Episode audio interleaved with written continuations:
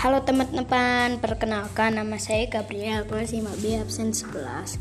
Hari ini saya akan menceritakan sebuah cerita yang berjudul Rino si Badak Jawa.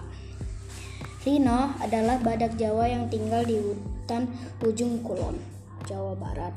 Rino bersahabat dengan Kila Kelinci dan Tupi Tupai. Suatu hari, Kila dan Tupi melihat Rino sedang bersedih. Ada apa Rino? Bisa biasanya kamu selalu ceria. Sapa kila kelinci. Aku sedang sedih, kata Rido sepupuku. Jumlah badak Jawa semakin sedikit. Kami badak Jawa masih sering diincar pemburu liar yang menyelinap masuk ke hutan.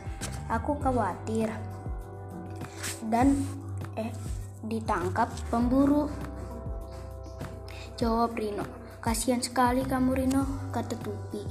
Iya, para pemburu liar itu mengincar cula badak yang katanya berharga mahal. Lanjut Rino lesu.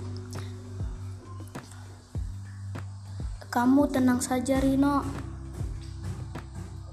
Kami berdua akan melindungimu dari ancaman parah pemburu liar. Lanjut Tupi. Keesokan hari, Kila dan Tupi terkejut saat mereka hendak menemui Rino. Tiba-tiba mereka melihat dua orang berwajah seram membawa senjata api. Dihut, jangan-jangan mereka mau berburu Rino, kata Tupi. Iya, kita harus memberitahu Rino agar segera lari tangkap Gila. Kila. Namun telah Mbak, para pemburu ternyata sudah melihat Rino lebih dulu. Itu dia, badak Jawa yang kita cari. Segera siapkan senapan, kata seorang pemburu. Tupi dan Kila pun tersentak. Wah, kita harus bertindak menyelamatkan sahabat kita. Seru Tupi.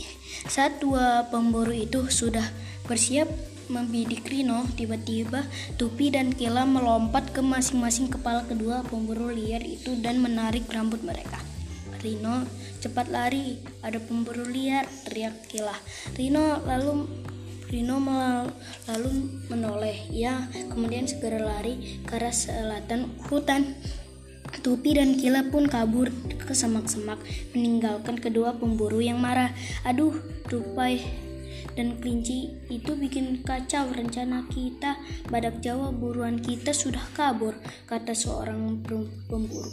Tupi dan Kila bergegas menyusul Rino ke hutan yang lebih amat. Berkat pertolongan kalian, aku selamat. Rino berterima kasih. Oh, ini sudah kewajiban kami menolong sahabat yang sedang kesulitan, kata Tupi. Ya, kami juga ingin membantu keluarga besarmu Badak Jawa agar selamat dari kepunahan tim Palkito. Akhirnya ketiga sahabat itu bermain bersama lagi. Nah, pesan moral yang kita bisa petik adalah ketika kita melihat teman sedang bersedih, sebagai teman yang baik kita harus berusaha untuk menghibur dan membuatnya merasa baik lagi. Terima kasih.